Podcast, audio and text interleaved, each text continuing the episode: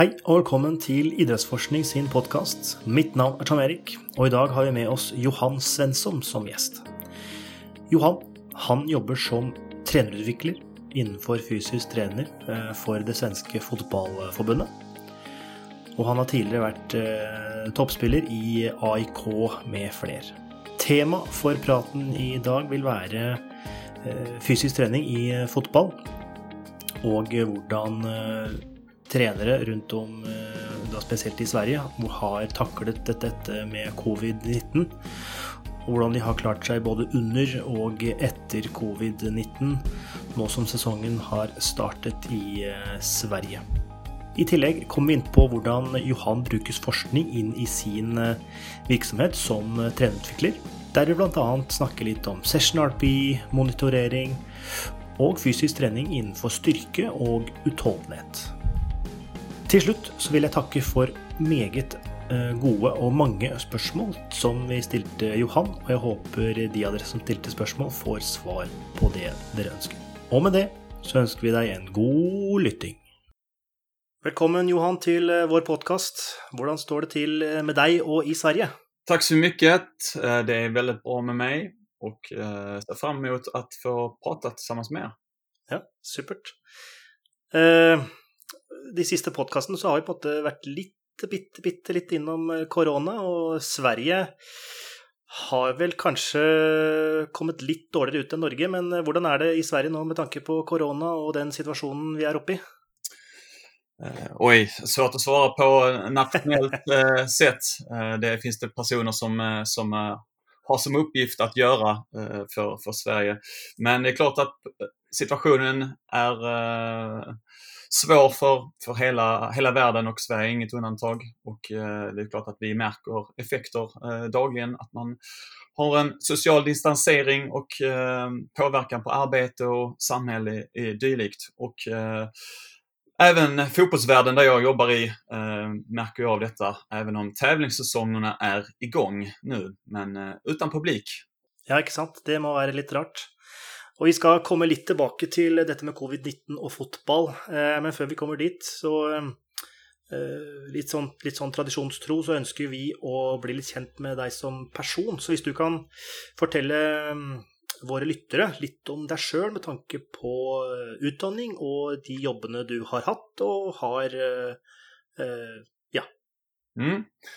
Absolut. Jag heter Johan Svensson. Jag är 39 år. Jag har en sambo och eh, två barn, två döttrar på tre och ett och ett halvt och eh, jobbar för närvarande på Svenska fotbollsförbundet som tränarutbildare i fotbollsfys och eh, även eh, varit eh, fystränare och tr- assisterande tränare för olika lag på olika nivåer. Senast i AIK Fotboll mellan 2016 och 2019.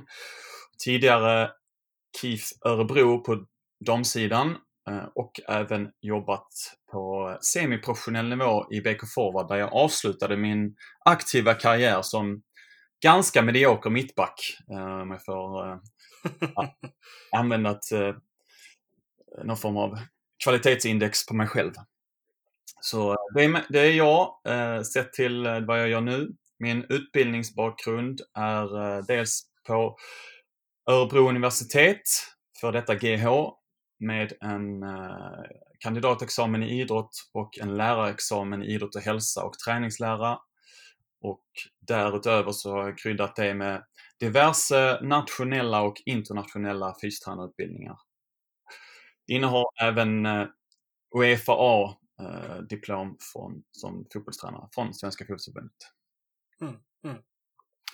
Det hörs ut som du har eh, Eh, kompetansen i behold, og eh, det kan jo bare si eh, med tanke på de jobbene du har hatt og har. Ehm, eh, og vi har fått inn et spørsmål. Jeg tenker jeg tar det så tidlig som mulig, siden vi er på en måte litt inne på dette med å være fysisk trener.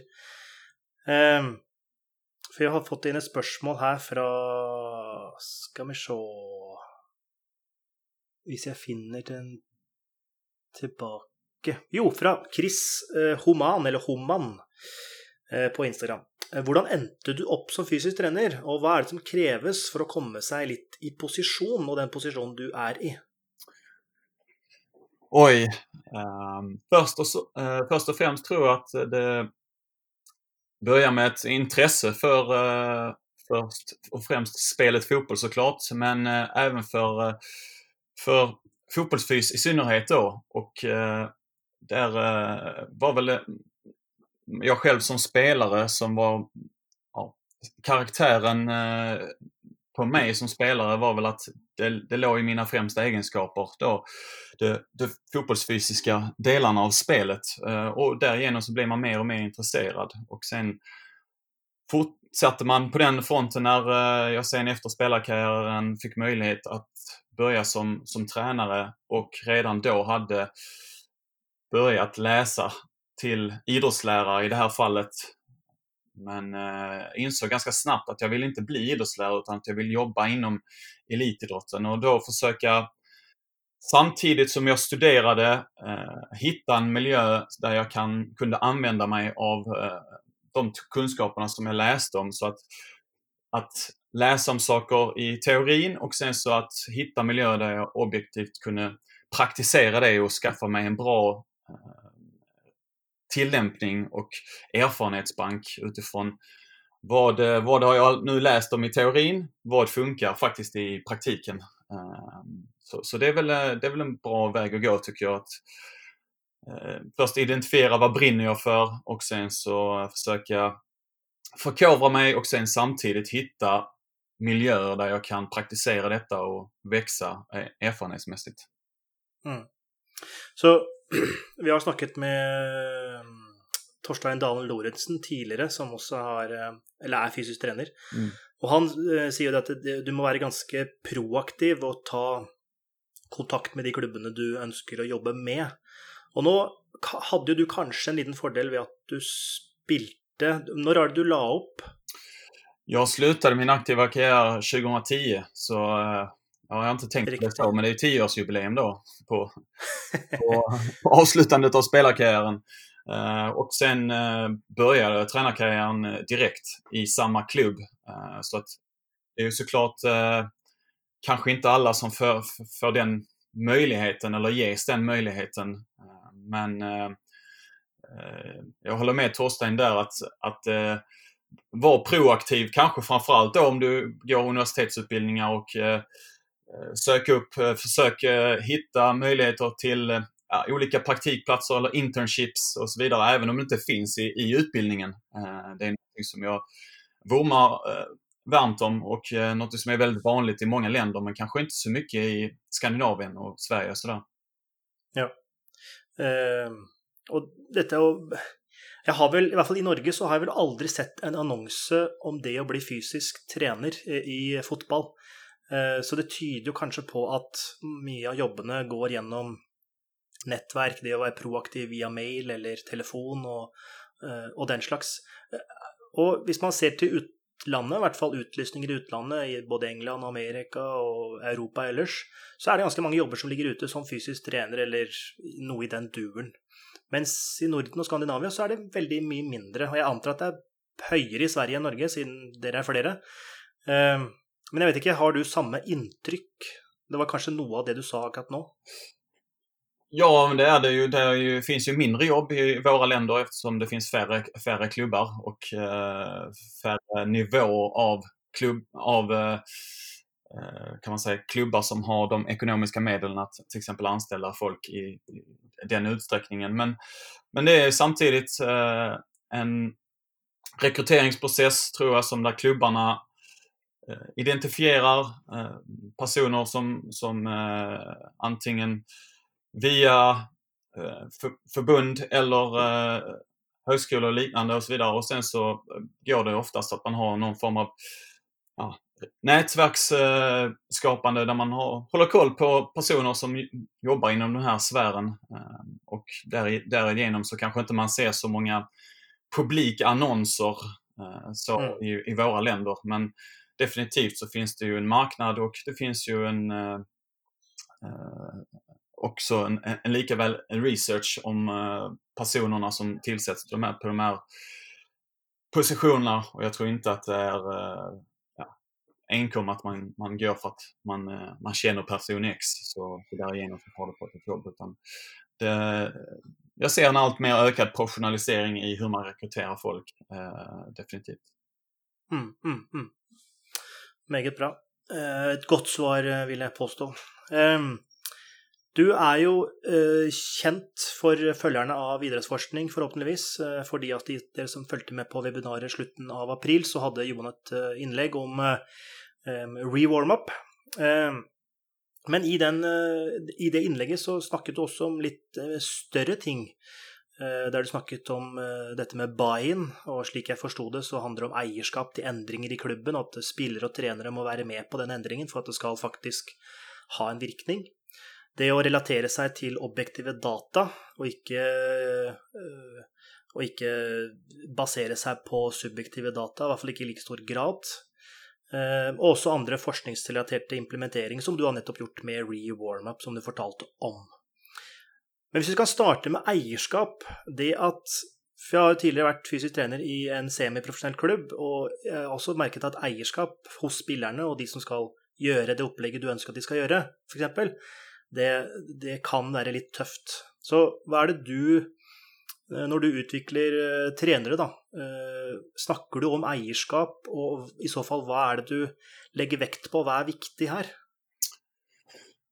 Nej, men det är ju att du, du jobbar ju med personer och människor och eh, någonstans att, att eh, tydligt visa att eh, det spelar ingen roll hur mycket du vet förrän de vet att du bryr dig. Eh, det finns ju en, en, stor ledare som har, som har sagt liksom att they don't care how much you know until they know you care.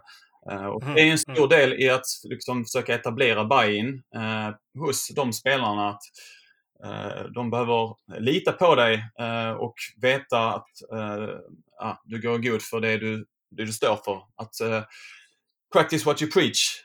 Så det går inte att jag står och säger någonting som, som ja, enligt alla objektiva data är bra och sen så i nästa andetag gör något helt annat själva.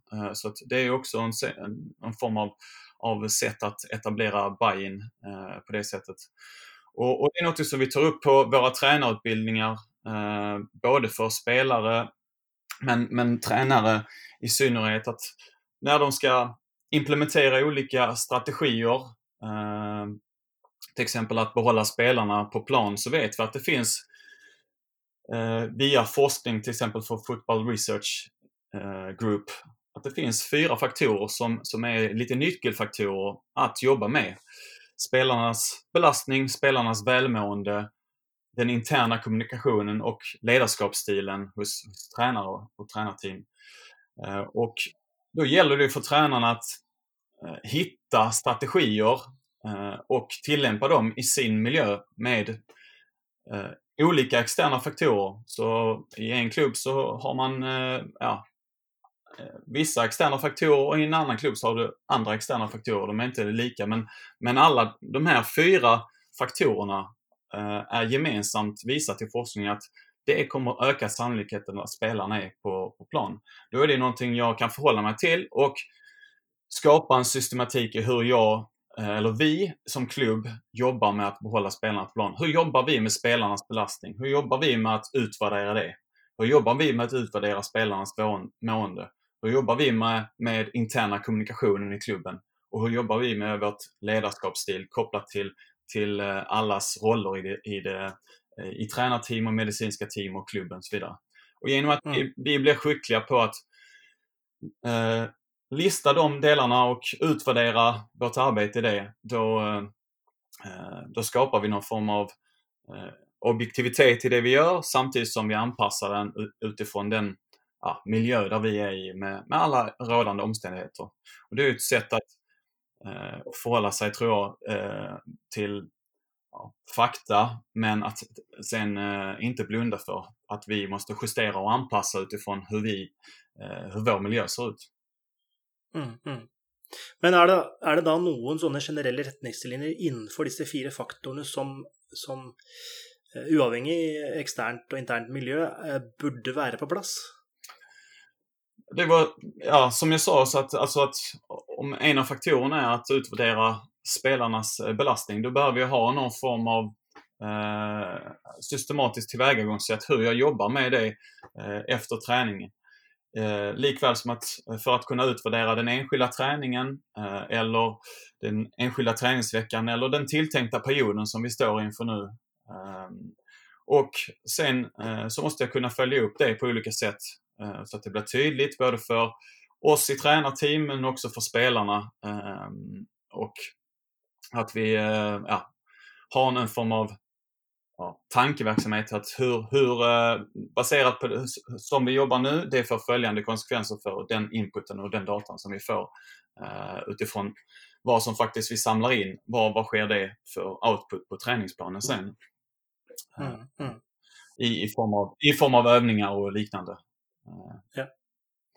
Och, och där det vel um, Der har jo eh, du med flere laget en app, uh, Trimbite, som på en måte går litt innad i dette med belastningsstyring og uh, tilpasse opplegget til spilleren. Uh, og siden vi er inne på dette med med ja, de faktorene du nevnte, og objektive data f.eks., så er det naturlig å komme inn på denne appen. Eh, kan du fortelle litt om Trimbite og hva det er for noe, hva hensikten är?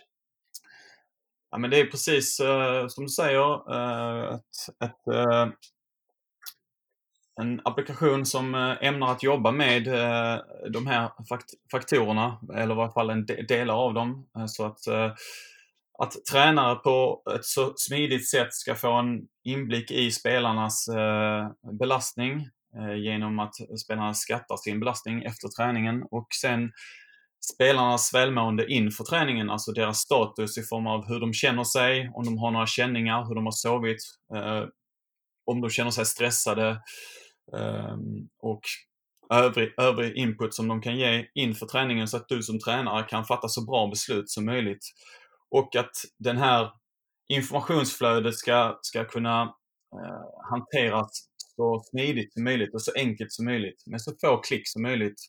Eh, för att eh, förhoppningsvis höja den interna kommunikationen mellan spelare och tränare men också inom tränarteamet eller mellan tränarteam och medicinska team. Så att, ja, du kan ha större tillgänglighet eh, av din spelartrupp eh, och därmed spela ditt, ditt bästa lag oftare. Eh, så det är ett sätt eh, att någonstans systematisera det eh, utan att för den skull att applikationen talar om för dig vad du ska göra och så vidare. Det är fortfarande du som behöver fatta besluten och liknande. Men det, kan, det erbjuder ett sätt att visualisera informationen så att du kan ta så bra beslut som möjligt. Så jag vill slå ett slag för det, att det kräver en utbildande del både hos spelaren, att den förstår värdet av att, ja, att jag svarar sanningsenligt eh, och eh, inte vad jag tror att tränarteamet ska, ska, ska liksom vill se. Och sen så även att, eh, som vi pratar om i våra tränarutbildningar då på Svenska Fotbollförbundet, att vi eh, eh, faktiskt värdesätter informationen som vi får och att vi faktiskt gör någonting med eh, informationen. Eh, i något hänseende. Annars så, eh, så faller det och vi har, vi har liksom ingen, ingen nytta av att samla in massa data om vi, om vi sen inte använder det på det sättet. Mm. Så att, eh, mm. där, därigenom så behöver vi vara proaktiva. Ja. I hvert fall de bildene jeg har sett av appen, så ser det veldig oversiktlig ut og eh, enkelt. Og som du sier, så er det ikke noe eh, magisk oppskrift på alt, men at du, det er et verktøy som du kan bruke videre, og, og, og, som peker veien videre. Og kan si noe om hvor klar du er for trening, hvis jeg, hvis jeg skal si det veldig kort. Ja, helt, helt, helt riktigt och eh, som kan ge en snabb överblick på vad, vad responsen var efter träningen. Om det var utifrån det du hade som tränare hade planerat eh, och eh, också möjlighet för medicinska team att, att eh, registrera eh, de skador som sker enligt eh, skaderapport eh, och modell mm. för hur, hur man registrerar skador som då Football Research har anbefallt. Mm. Och, och hvordan eh, bruker du denne appen här aktivt själv som tränare? Eh, just nu så, så i min roll som, som tränarutbildare eh, på förbundet så, så, är jag inte i något lag i, i daglig verksamhet. Eh, men i min förra roll i, i AIK Fotboll och även i KIF Örebro så är det no, var det någonting som jag använde dagligen för att fånga upp spelares eh, status innan träning och spelares reaktion på, på träningen i kombination med andra data eh, och det här blir ju någon form av intern data på, på eh, eh spelarnas belastning och spelarnas välmående i kombination med andra externa data, till exempel eh, GPS eller någon mm. form av monitoreringsdata som vi kan använda de två olika för att triangulera och fatta så bra beslut som möjligt. Och icke förglömma då först och främst egentligen också kombinera det med, med hur såg det faktiskt ut på träningen. Alltså eh, någon mm. form av kvalitativ data också med, med eh, dels utifrån hur det, hur det ser ut där och då på träningen men också sen när vi tittar på det i efterhand eh, när vi har haft möjlighet att titta på video från träningen och så vidare. Så att eh, alla de eh, liksom källorna till information kan förhoppningsvis få oss att fatta ett så bra beslut eh, inför morgondagen och inför nästa vecka och så vidare. Så att, eh, på så sätt så, så någonting som man använder varje dag men eh, som är en bit av ett stort pussel, skulle jag vilja säga. Mm, mm, mm. Och det tycker jag är ett ganska viktigt budskap att det, det är flera bitar inför detta med monitorering och, och, och se på träningsbelastning och hur träningen eh, ser ut. Um, men når man er inne på dette med treningsbelastning og, og denne appen, og sånne ting, så er det et spørsmål fra Sindre Midtun. Eh, hva er din tanke rundt å bruke RPE, eh, RPE-skala som et verktøy i trening og kamp når det kommer til å styre belastningen til spillerne? For jeg regner vel med at RPE er kanskje en del av den appen?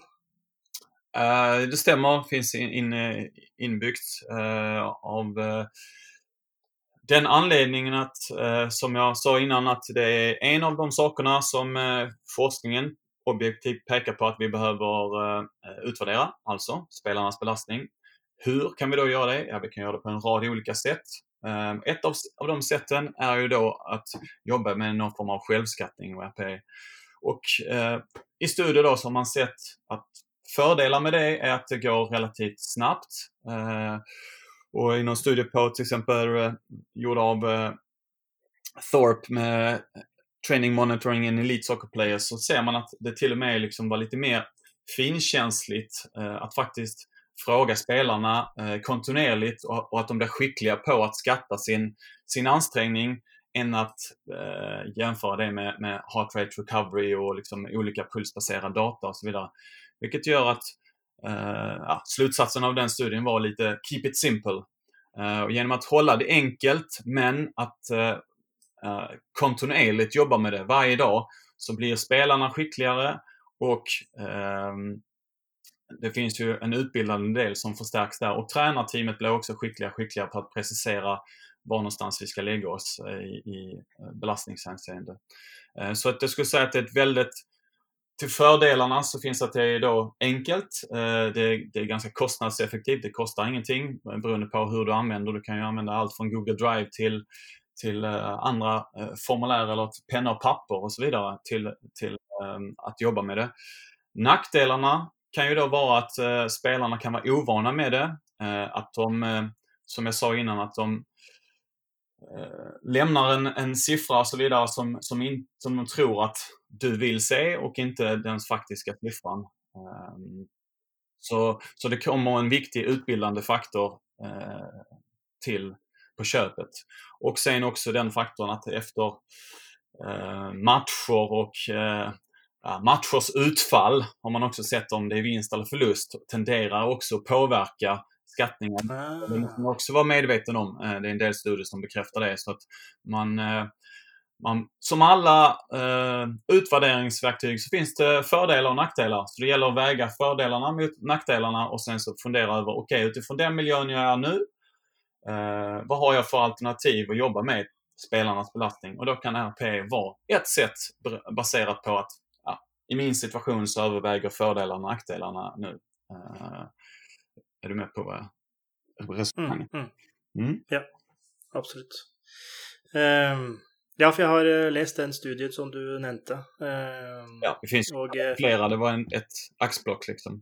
Ja, og det, det, er jo mange studier som viser at RP, eller Session RP, er ganske et godt verktøy, og at at det burde kombineres med andre ting, som antall kilometer løpt eller høyintensitet, antall høyintensitet løp og sånne ting. Så ja. Ja. Absolutt gode verktøy.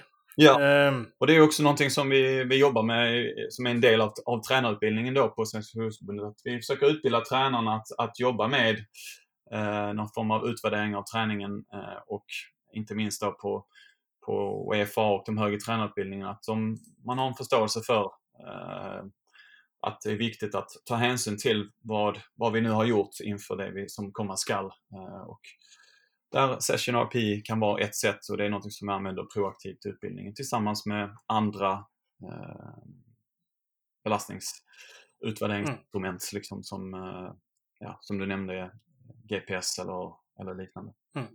Ja. Og Du sa litt om at eh, RP1 kan bli påvirket av uh, vinn eller tap, og blitt påvirket av litt sånn uh, ja Eh, litt sånn manipulerende tankegang om at eh, dersom jeg putter inn ni eller ti her, så er det større sjanse for at jeg kan kanskje spille, ja. eller få lov til å spille eller starte.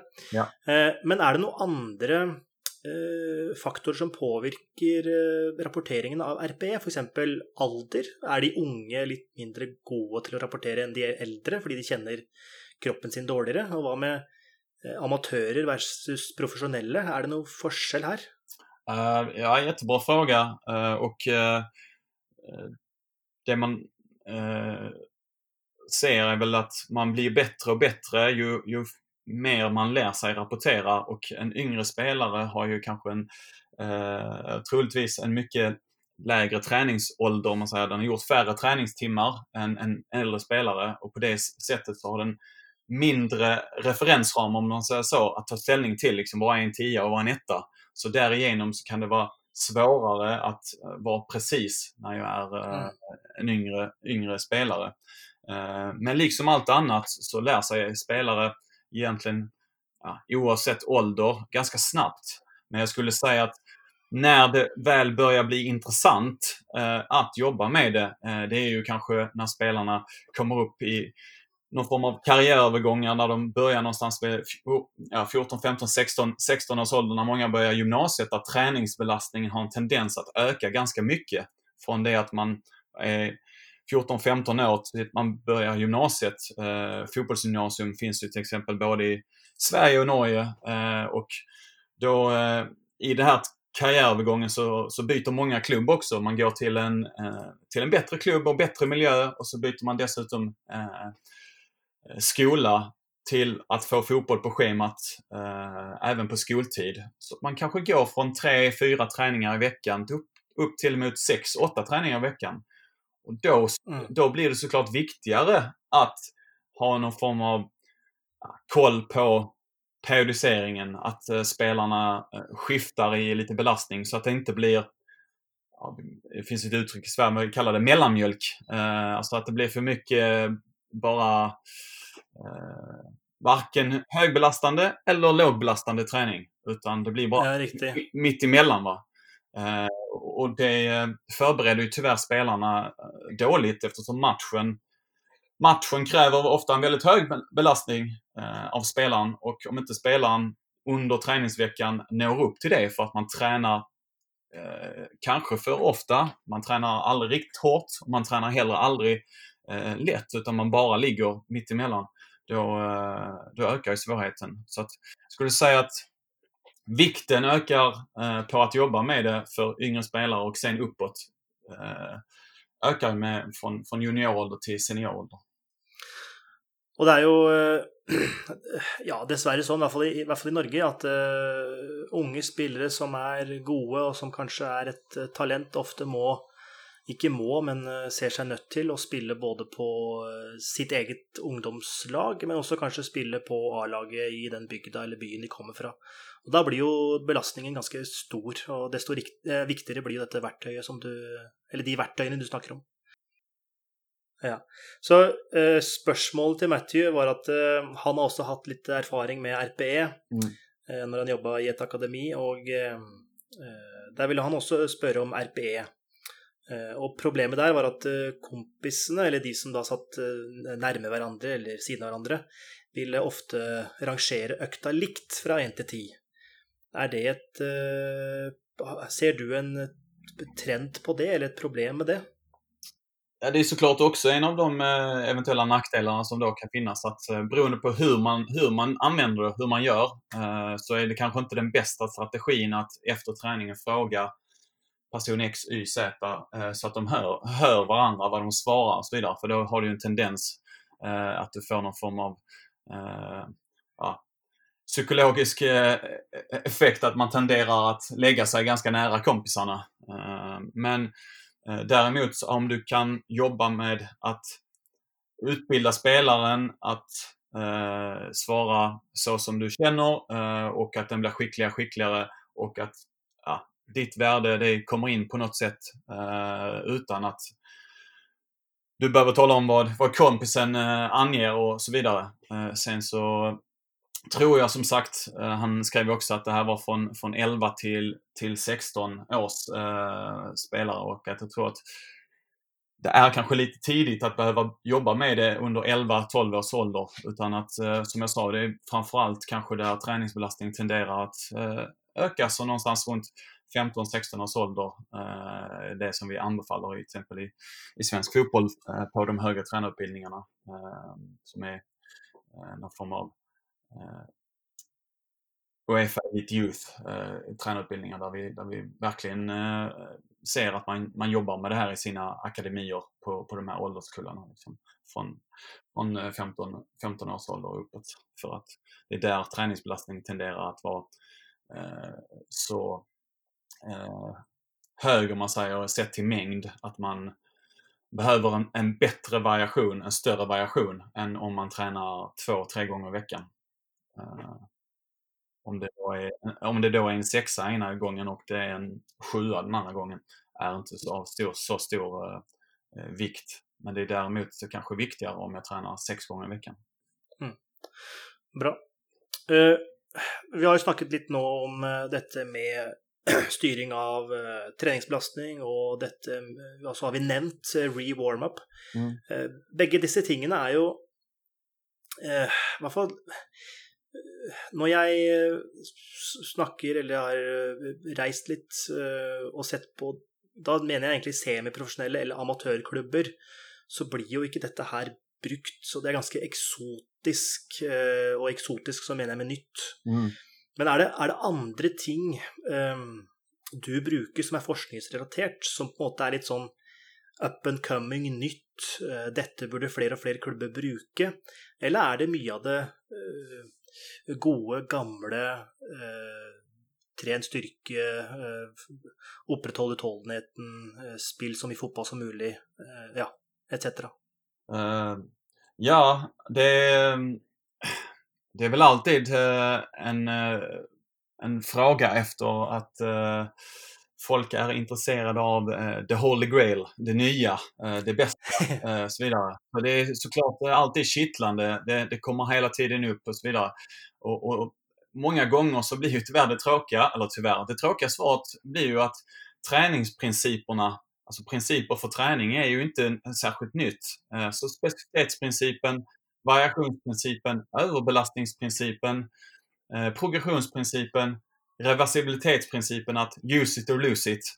Um, individualiseringsprincipen, det vill säga att jag kan inte träna kanske en 16-årig spelare lika mycket, äh, eh, likadant som jag kan träna en 32-årig spelare.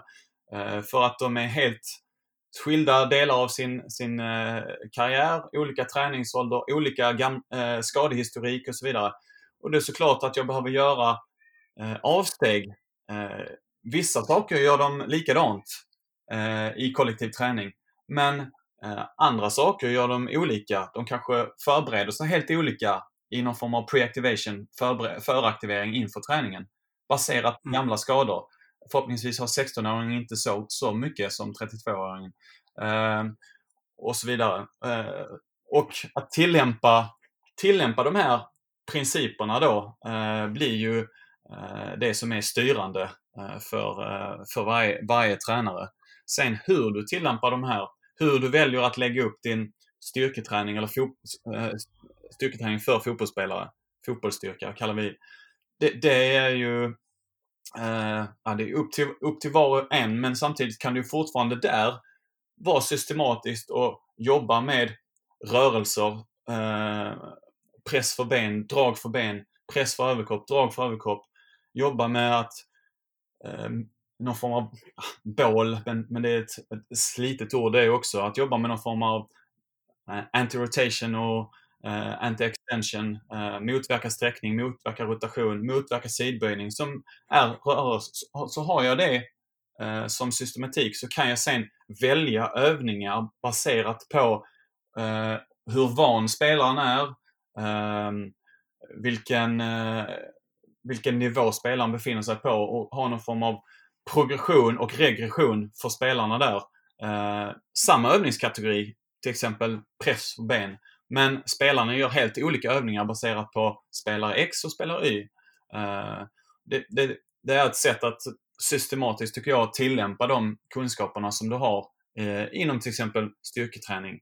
Eh, där du då vet att olika övningar är väldigt eh, väl dokumenterade. Ehm, till exempel eh, för att förebygga ljumskador, Copenhagen adductor, eh, eller mm. förebygga mm. hamstringskador, till exempel Nordic hamstring, ehm, som en del i en del i till exempel ett förebyggande program. Men därigenom inte, inte tro att, okej, okay, bara för att jag gör Nordic hamstring så, så kommer jag aldrig ha några eh, ham, eh, liksom, hamstringskador. Utan det, det, är ett, ett, återigen ett redskap i verktygslådan eh, och sen så måste du troligtvis under träningsveckan också springa ganska snabbt eh, i, i viss eh, mängd. Eh, vi pratar high intensity running för att eh, någonstans skapa dig ett så bra skydd som möjligt. För det är det du kommer utföra på matchen. Så det, återigen koppla tillbaka till specificitetsprincipen. Så att använda, använda de träningsprinciperna och fundera över hur ser, hur ser min verksamhet ut utifrån specificitetsprincipen? Tränar vi som vi spelar enligt vårt arbetssätt i anfallsspel, försvarsspel och omställning? Eh, hur mm. tränar vi det under träningsveckan? Okej. Okay. Eh, och progressionsprincipen. Hur, hur jobbar vi med en, en variation i belastningen över, över veckan? Eh, direkt efter match när vi vet att spelarna behöver mer återhämtning och sen så eh, att vi har någon form av högbelastande fas mitt i veckan och någon form av matchförberedande fas när vi närmar oss nästa match. Så att vi får, får en variation i sett till både innehåll, eh, vad vi vill med vårt spel och också med vår belastning i det här avseendet eh, för fotbollsaktionerna som, som sker. Eh, mm. Så det är väl, eh, ja, långt svar på, på en eh, ändå komplex fråga. ja, absolutt. Absolutt. Og det er viktig å på en måte eh, svare nyansert, og at eh, det er mange faktorer som bidrar til, eh, Eh, til nettopp dette. Eh, men i, i, den sammenheng, du nevnte litt om eh, Nordic hamstring og Kebeneggen adductor. Ehm, og ehm, da har vi fått inn et spørsmål fra David. Ehm, Hvilke absolutte øvelser bør unge spillere 13-19 gjøre i forhold til skadeforebyggende trening? Og før du får lov til å svare, så eh, har jeg opplevd, i hvert fall med Nordic hamstring, at folk i pubertet, der kanskje eh, vekten øker mer enn styrken, så kan Nordic hamstring kanskje bli for tung eh, for å styrke hamstringmuskulaturen. Mm. Eh, så er det da de samme øvelsene som du nettopp nevnte for denne unge populasjonen, eller er det andre som kanskje er mer hensiktsmessig for unge utøvere? Ja, men, äh, jättebra fråga återigen äh, utifrån att Eh, här i, i det här fallet en, en övning om vi zoom, eh, liksom zoomar ut och, och liksom backar tillbaka. Så är ju, är ju eh, målet då att förebygga hamstringskador och e, en av metoderna kan då vara den här övningen. Men där vi också kan skala ner den övningen till att vi kan göra liksom, en progression att bygga upp att tåla, tåla övningen i dess fulla, fulla liksom, utförande. Så både att, att vi successivt gör den eh, lättare eh, och att vi, vi har någon form av alltifrån att vi börjar med att spelaren ska klara ett höftlyft till att den kanske ska klara eh, en, en Nordic hamstring med med eh, ett motståndsband som gör att själva eh, övningen blir lite lättare till att vi någonstans når den fulla, fulla övningen. Så skapar vi en progression även för den spelaren som växer Eh, och som just i det här fallet inte är ehm, kanske redo för att göra övningen eh, sett till hur mycket som eh, ja, vi nu kräver eh, av våra, våra spelare. Men även där finns det ju intressant forskning från, bland annat från, från, från PSGs uh, egna science department, liksom, där man tittade på effekten av att göra ett set kontra fyra set av Nordic hamstring och parat med, oh. med någon annan övning också. Um, och, och, där, där man fann ja, Eh, förvånande nog eh, väldigt god effekt av att göra, göra eh, lite men ofta. så att, att göra ett set eller två istället för att behöva ligga på väldigt hög volym om man säger. För att övningen i mm. sig är ganska taxerande. Vilket gör att det är såklart en, en väldigt eh, kittlande tanke att göra så mycket som krävs om, om, jag förstår, om du förstår vad jag menar. Men kanske eh, inte addera mer slitage än nödvändigt för att spelaren sen ska ja, eh, träna fotboll och bli så bra som möjligt där men, men utan att få så mycket slitage. Så att eh, det är, det är en, eh, en bra studie att, eh, att titta lite närmare på. Eh, mm. Mm. Frekvens är ju väldigt i vinden och har varit i ett ganske mange år nå i ulike idretter. Eh, og det gir jo veldig mening i det bildet som på en måte eh, forskningsverden eh, ja, har etablert. Det at del volumet ned i flere biter, eh, slik at det er overkommelig, og at eh, det blir kvalitet på hver eh, ja, treningsøkt eller øvelse, eller hva det måtte være. Så det, det høres veldig logisk ut. Så um, nå er det jo Styrketrening er jo viktig. Men spørsmålet er, og dette blir kanskje litt sånn reduksjonistisk, men eh, trener man først og fremst styrke for at det skal være skadeforebyggende, eller ønsker man også og at det skal være prestasjonsfremmende. Altså, her er det selvfølgelig en sammenheng, men er det realistisk å tro at folk skal bli veldig raskere och spenstigere, och tro att det ska påvirke påverka prestationen?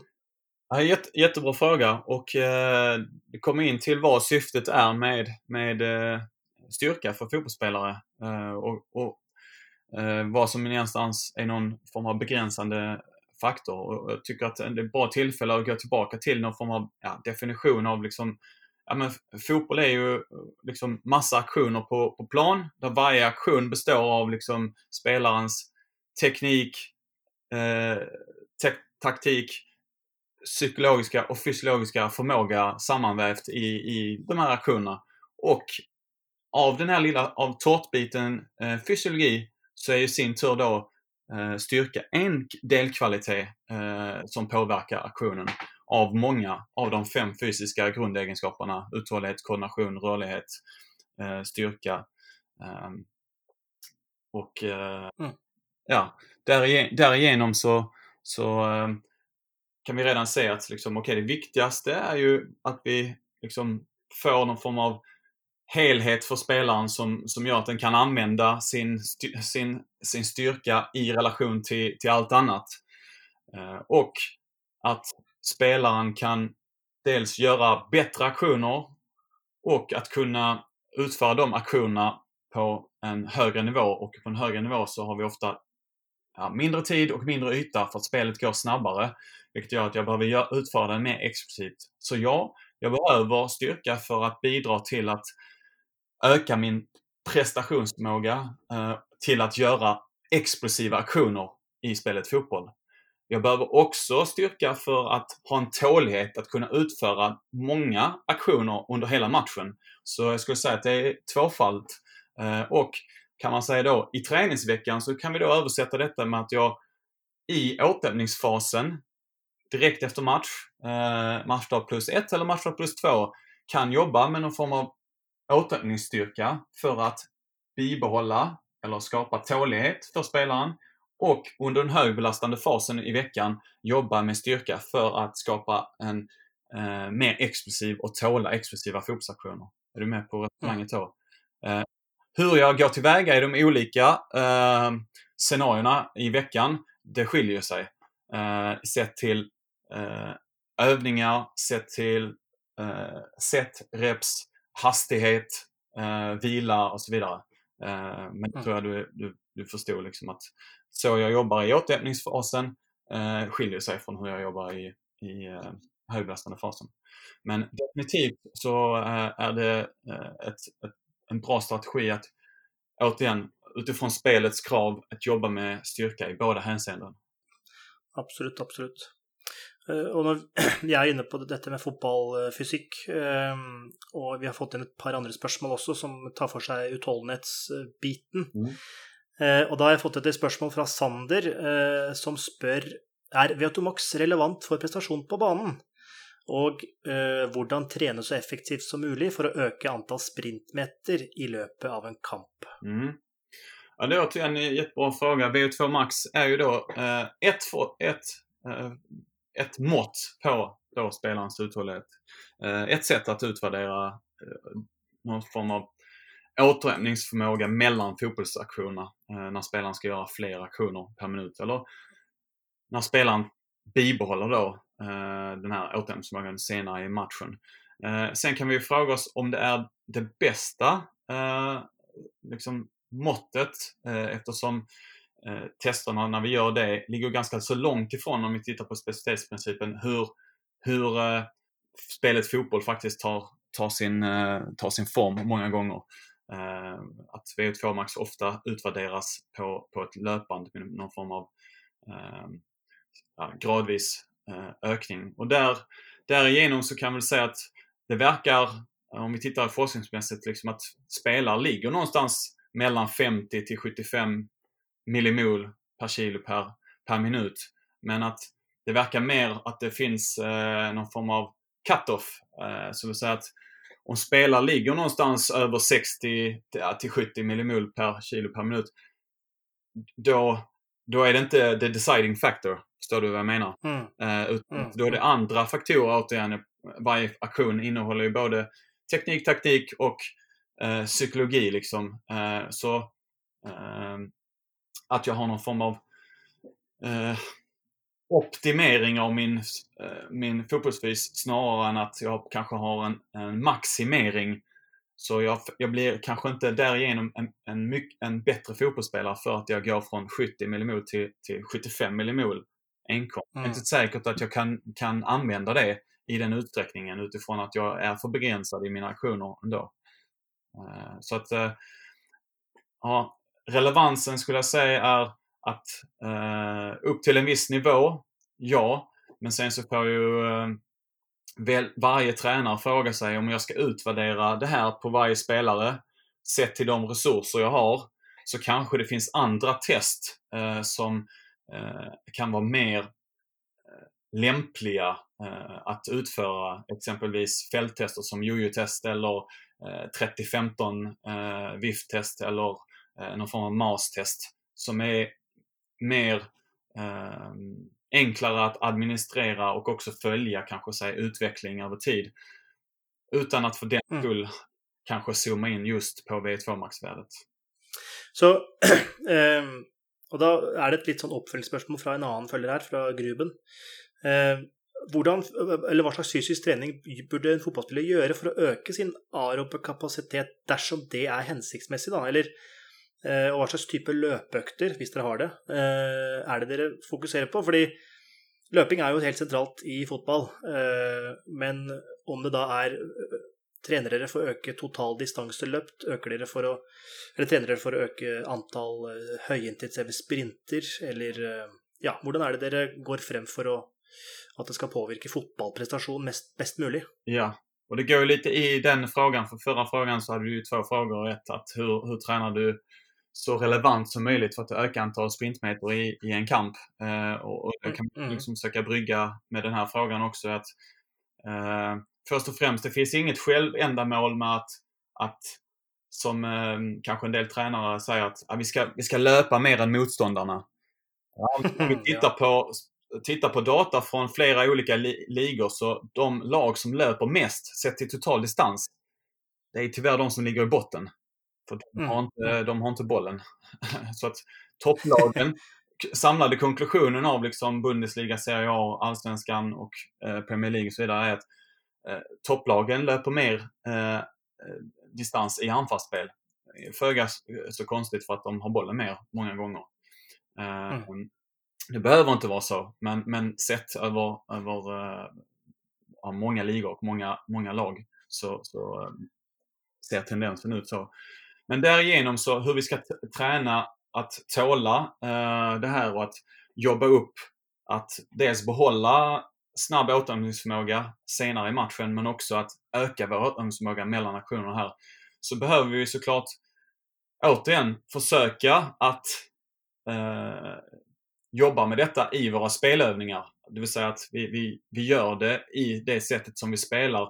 Både när vi spelar 11 mot 11 eller när vi spelar eh, mellanstora spel som kanske 7 mot 7 eh, och 5 mot 5 och liknande. Tills att vi spelar riktigt små spel. Så ha någon form av periodisering där. Och sen så kanske vi behöver komplettera med färdighetsövningar för, återigen, stora spel, mellanstora eller små spel beroende på vad träningsmålet för, för den här eh, veckan är, eller för det här passet är. Att vi vill att de ska överbelastas i att behålla återhämtningsförmåga ehm, i senare delen av matchen. Det vill säga att vi vill få dem att kunna göra aktioner under en lång tid och att återhämta sig för det. Så vi väljer att spela stora spel. Eh, 10 mot 10 med en viss yta, med en viss tid, med en viss vilotid. Eh, märker vi sen mot slutet av träningen att ah, vi, vi når inte riktigt detta, då det är klart att vi kan ju eh, löpa, som din fråga var då. Och då är det ju intressant att i så fall löpa i någon form av eh, intervalllöp eller eh, löpning som gör att vi eh, påminner så mycket som möjligt om det här spelet med eh, förhållande till arbete och vila. Att vi kanske löper i planens längdriktning. Vi går, vi joggar, vi accelererar för att jogga och gå och så, vänd, och så uh, eh, upprepar det här sig. Och spelar vi små spel eller mellanstora spel så kanske vi då löpa kanske i planens breddriktning istället för då kommer återigen jogg, sprint uh, uh, eller acceleration, jogg och gång betydligt oftare. men kortare sett till mm. ytorna. Mm. Eh, så att periodisera in det här eh, är eh, en väldigt smart strategi. Att prioritera spelövningar, för där är specialitetsprincipen störst, men komplettera med färdighetsövningar som då eh, stimulerar spelarens eh, kapacitet lite till än vad vi når i själva spelet. Eh, och försök då löpa saker och ting som påminner om spel, spelet utan att för den skull ehm, eh, ja, vara exakt. Men eh, kanske är det en bättre strategi eh, än att vi, vi löper ja, i skogen bara. Det, det kanske vi också behöver göra i vissa perioder av säsongen när vi inte har tillgång till plan eller liknande. då, mm. då, det är klart att då finns det någon form av generell träning för hur vi ska bibehålla till exempel under uppehåll. Eh, när, som uppehåll som är till exempel i december till eh, ja, uppstarten i, säsongsuppstarten i januari då. När spelarna är lediga, kanske sex veckor. Då behöver de mm. någon form av egenträning och recept för egenträning som, då, som de kan utföra var som helst och när som helst i stort sett. Eftersom vi vill ge dem så få ursäkter som möjligt att, att genomföra detta. För att bibehålla någon form av generell fitness. Eh, och sen när de kommer tillbaka så kommer vi gradvis då eh, förvandla den här fitnessen till mer fotbollfitness eh, mm. från specialitetsprincipen. Veldig bra. Still meg bak, still mig bak det svaret. Eh, ehm, beveger oss litt eh, Kanskje ikke vekk fra dette med trening, men eh, litt annen kontekst, eh, og veldig dagsaktuell kontekst. Eh, vi har jo vært og er i en slags eh, pandemiperiode som påvirker alle, eh, og deriblant idretten og sporten. Ehm, Og du har jo da vært eh, jobbet da som trenerutvikler og, og trener eh, gjennom dette her. Og hvordan har dette påvirket eh, deg og din jobb under, og hvilke etterspill är det av covid-19 nå som fotbollen är igång?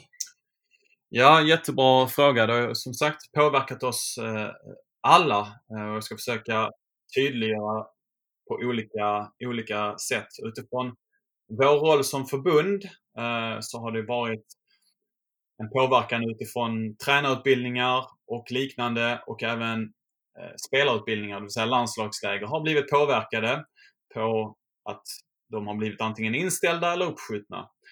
Och det har lett till att vi eh, har fått tänka nytt och flytta fram eller hitta andra sätt att nå tränare och eh, försöka adressera frågor som, eh, som har uppstått under den här pandemin. Ett exempel på det var eh, att fystränarna i Allsvenskan och eh, Superettan och Damallsvenskan och Elitettan, så de två högsta serierna i svensk fotboll, bjöd vi in till ett Return to Sport, kallar vi det, webbinar, där klubbarna fick delge vilka strategier har de jobbat med under den här covid-19 eh, eh, där de inte fick spela matcher. För att försöka förbereda mm. sig för en förkortad och komprimerad säsong som nu, nu har stått inför. Där de får spela ganska många matcher på kort tid. Och eh, vilka strategier har de då sett varit smarta att tillämpa eller har de tänkt att eh, tillämpa eh, och försöka använda sig av under nu tävlingssäsongen? Så det var ett erfarenhetsutbyte mellan eh, fystränarna i Sverige eh, på herrsidan och eh, eh, på damsidan. Och tyvärr hade jag väl önskat att ännu fler eh, från damsidan hade, hade deltagit. Det var 7 av 26 klubbar bara tyvärr.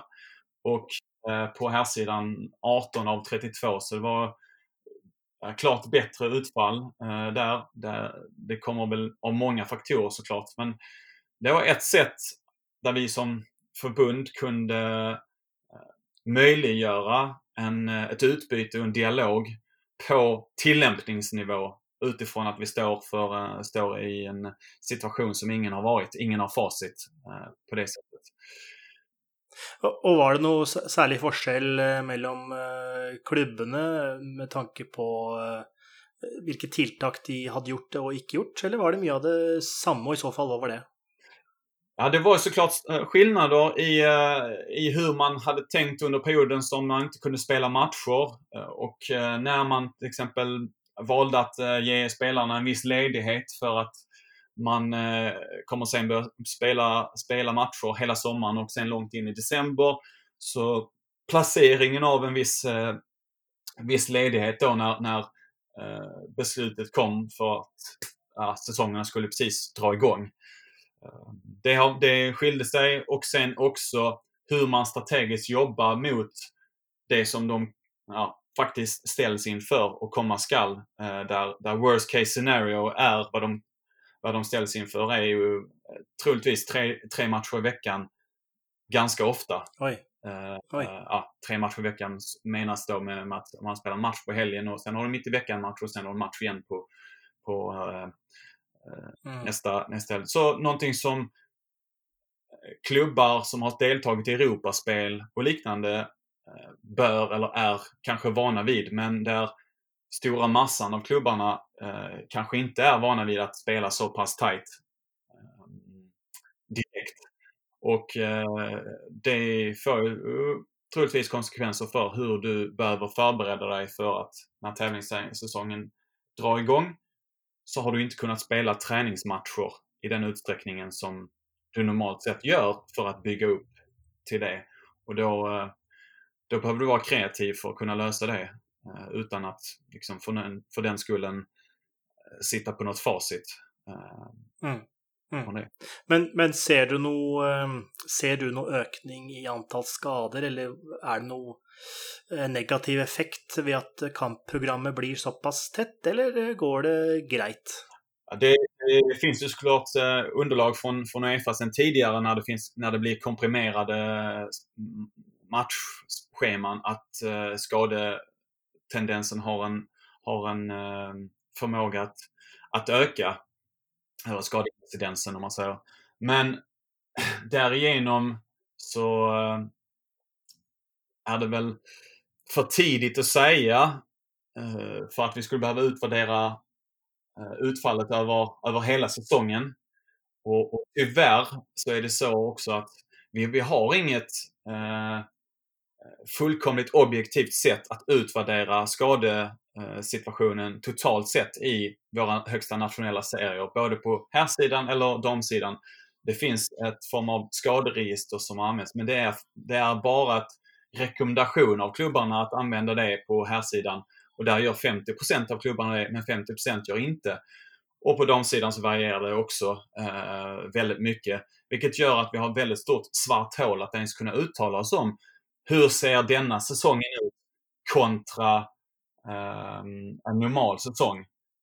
Eh, och det är ju en problematik som jag eh, på alla sätt och vis tycker att vi på Svenska Fotbollförbundet tillsammans med intresseorganisationerna Svensk Elitfotboll och Elitfotboll Dam behöver, eh, som då företräder klubbarna, jobba eh, bättre med. Eh, så, så väldigt självkritisk där utifrån att eh, eller det kanske ligger i, i oss själva som organisationer att vi måste bli bättre. För det kan vi trots allt, tror jag, bli väldigt bra på att utvärdera hur bra är vi på att behålla till exempel en låg skadefrånvaro och eh, en hög tillgänglighet på spelarna.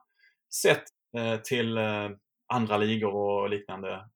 Ehm, som ett, en del av ett hållbarhetsarbete. Eh, om man pratar miljö så är man ju så här miljöcertifierar eh, företag och liknande för att se vilken hållbarhet har den här miljön. Det här är ett sätt att liksom, vilken hållbarhet har vi att förhoppningsvis skapa framtidens elitspelare som eh, kan vara bra i våra landslag sen så småningom. Eller eh, resa utomlands och bli proffs.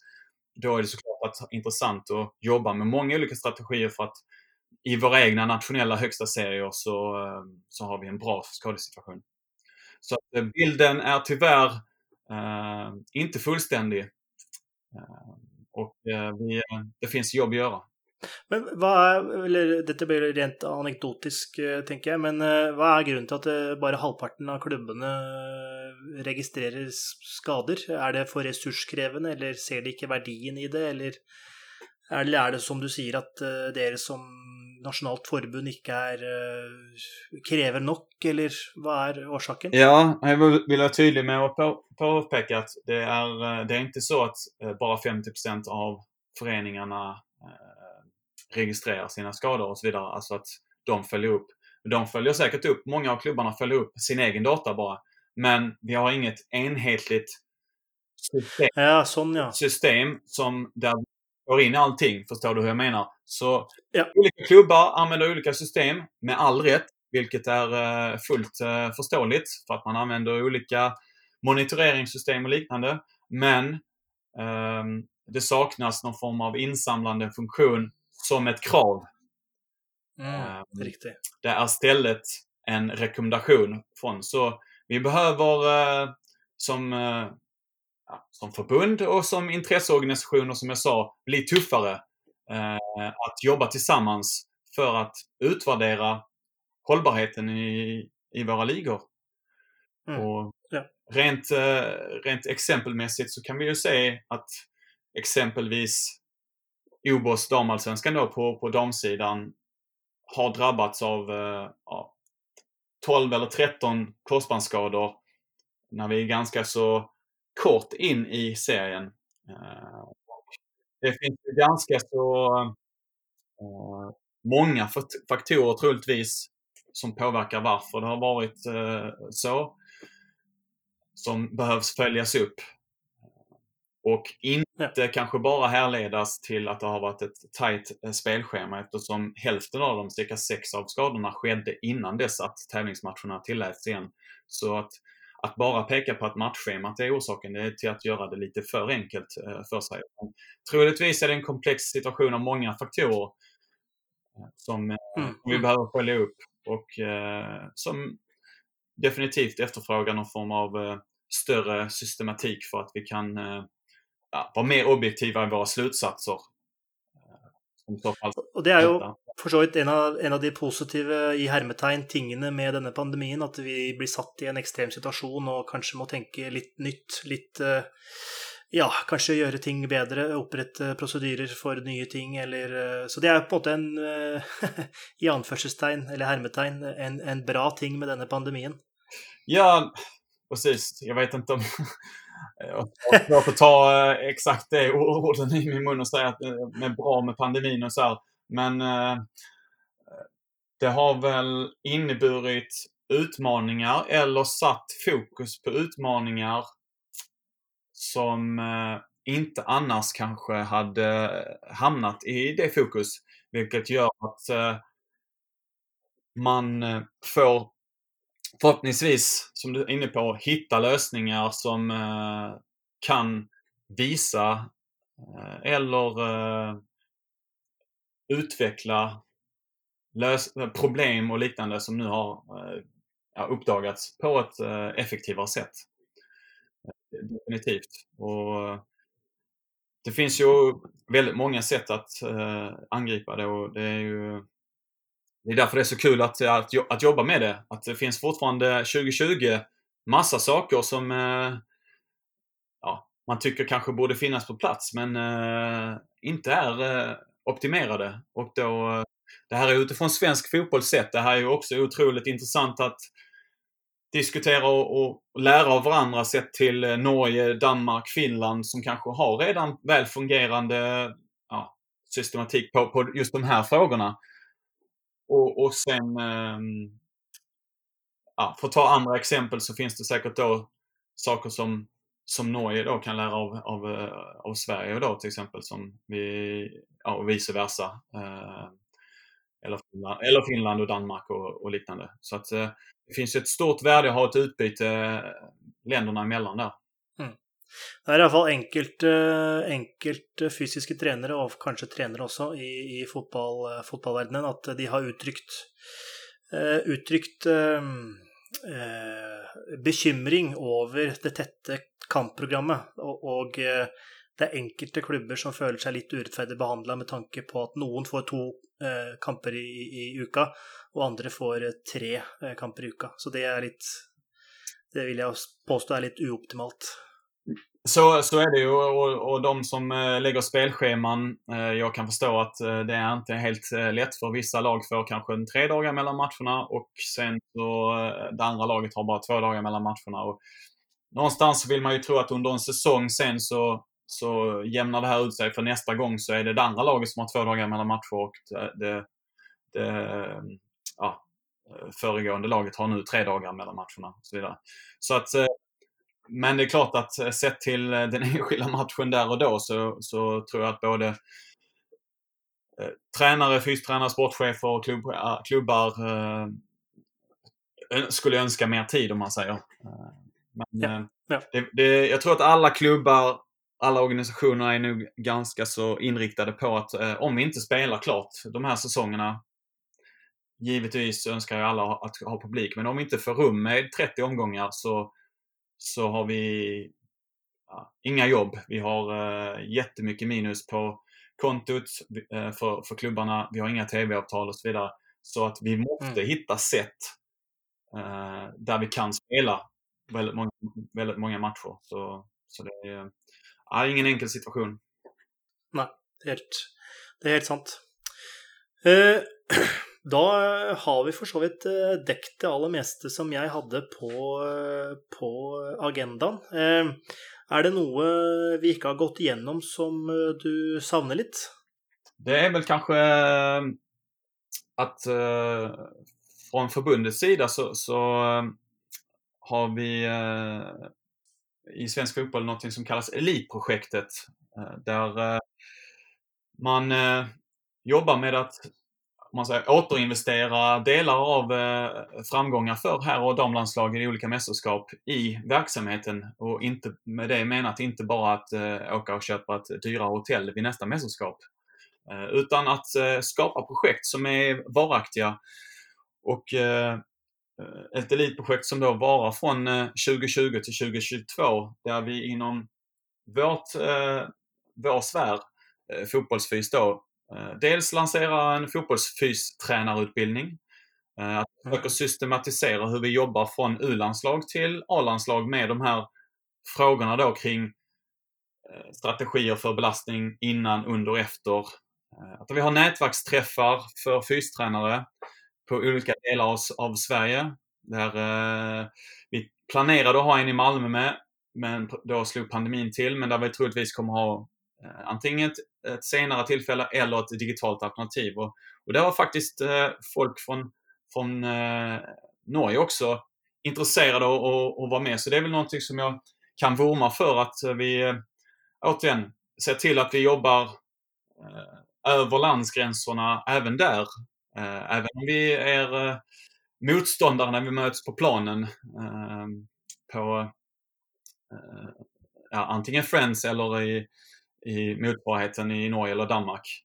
Eh, men där vi kan ah, dela, dela med oss av eh, de här sakerna eh, och även någon form av forskningssamordning som, som vi har nu med, med Dan Fransson då som jobbar på Göteborgs universitet och som har många samarbeten med olika forskare i de nordiska länderna men också i andra tillfällen och ställen som då ska vara någon form av brygga med, med forskning eh, och kompetenscentrum med att klubbarna, universiteten och förbunden och intresseorganisationerna ska ha någon form av spindel i nätet och samverkan. Eh, så det är väl ett, eh, en, en, en del som jag kan dela med mig om hur, hur vi försöker jobba i svensk fotboll kopplat till fotbollsfys då. Och sen finns det liknande då delar inom fotbollspsykologi, eh, Eh, inom eh, ja, andra områden som, eh, som förbundet också har då, som alla ingår under det här elitprojektet då, för att försöka få svensk fotboll att bli bättre och eh, där vi säkert har många motsvarigheter i, i norsk toppfotboll och i dansk fotboll och, och I hvert fall det aspektet med fysisk trener i fotball, så tror jeg nå, nå, vet ikke jeg helt hvordan eh, det norske forbundet eh, er bygd opp med tanke på det å utdanne fysiske trenere, men jeg tror ikke det er en spesialisert eh, utdanning mot det, men at du lærer om den fysiske treninga i den generelle trenerutdanninga. Og at dere som Svensk Fotballforbund legger fokus på den fysiske treninga, det syns jeg er veldig, veldig viktig. Og Eh, Eh, I hvert fall i Norge, eh, og ikke på toppnivå, men semiprofesjonelt amatør, så er det jo ofte eh, som fysisk trener eller fysioterapeut så skal du gjøre helst begge deler. Du skal være massør, du skal være styrketrener, du skal være ute på banen og få de til å løpe litt, og du skal være kit-guy og det ene og det andre. Så det er mange roller som skal fylles. Uh, men å få et fokus på fysisk trener, det, det, tenker jeg er viktig. Og det er vel sånn at eh, nordmenn også kan, eh, hvis jeg forsto deg riktig, söka på denne, eh, dette kurset, utdanninga eller seminaret? ja? Ja, precis, det är ju fotbollsfystränarutbildning med start i januari 2021 och ansökningsprocessen startar någonstans i slutet på, på augusti.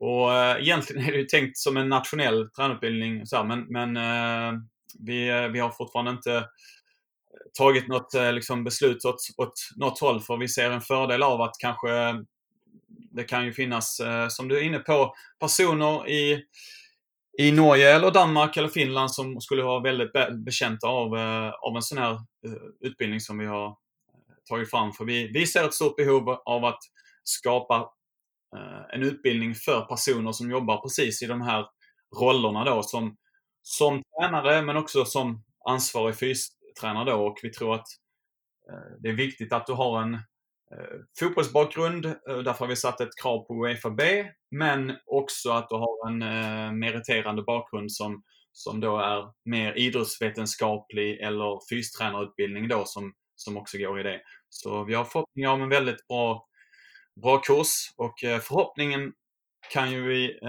förhoppningsvis så kan vi även få internationella gäster eller deltagare då från, från våra nordiska grannländer exempelvis. Men vi lär få återkomma om den frågan, inte minst med tanke på covid.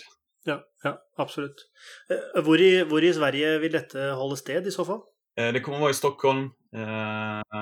Fem moduler Um, och det finns att läsa mer på svenskfotboll.se under tränarutbildning, eh, övriga tränarutbildningar och så hittar man fotbollsfystränarutbildningen eh, där varje modul kommer vara tre dagar med uppgifter mellan eh, modulerna och sen en examination som bygger på en form av samlad portfolio av vad, vad tränaren eller fystränaren då har har tagit med sig genom eh, den här utbildningen då som den ska kunna svara för och eh, redovisa och delge och opponera från, från Høres meget bra ut.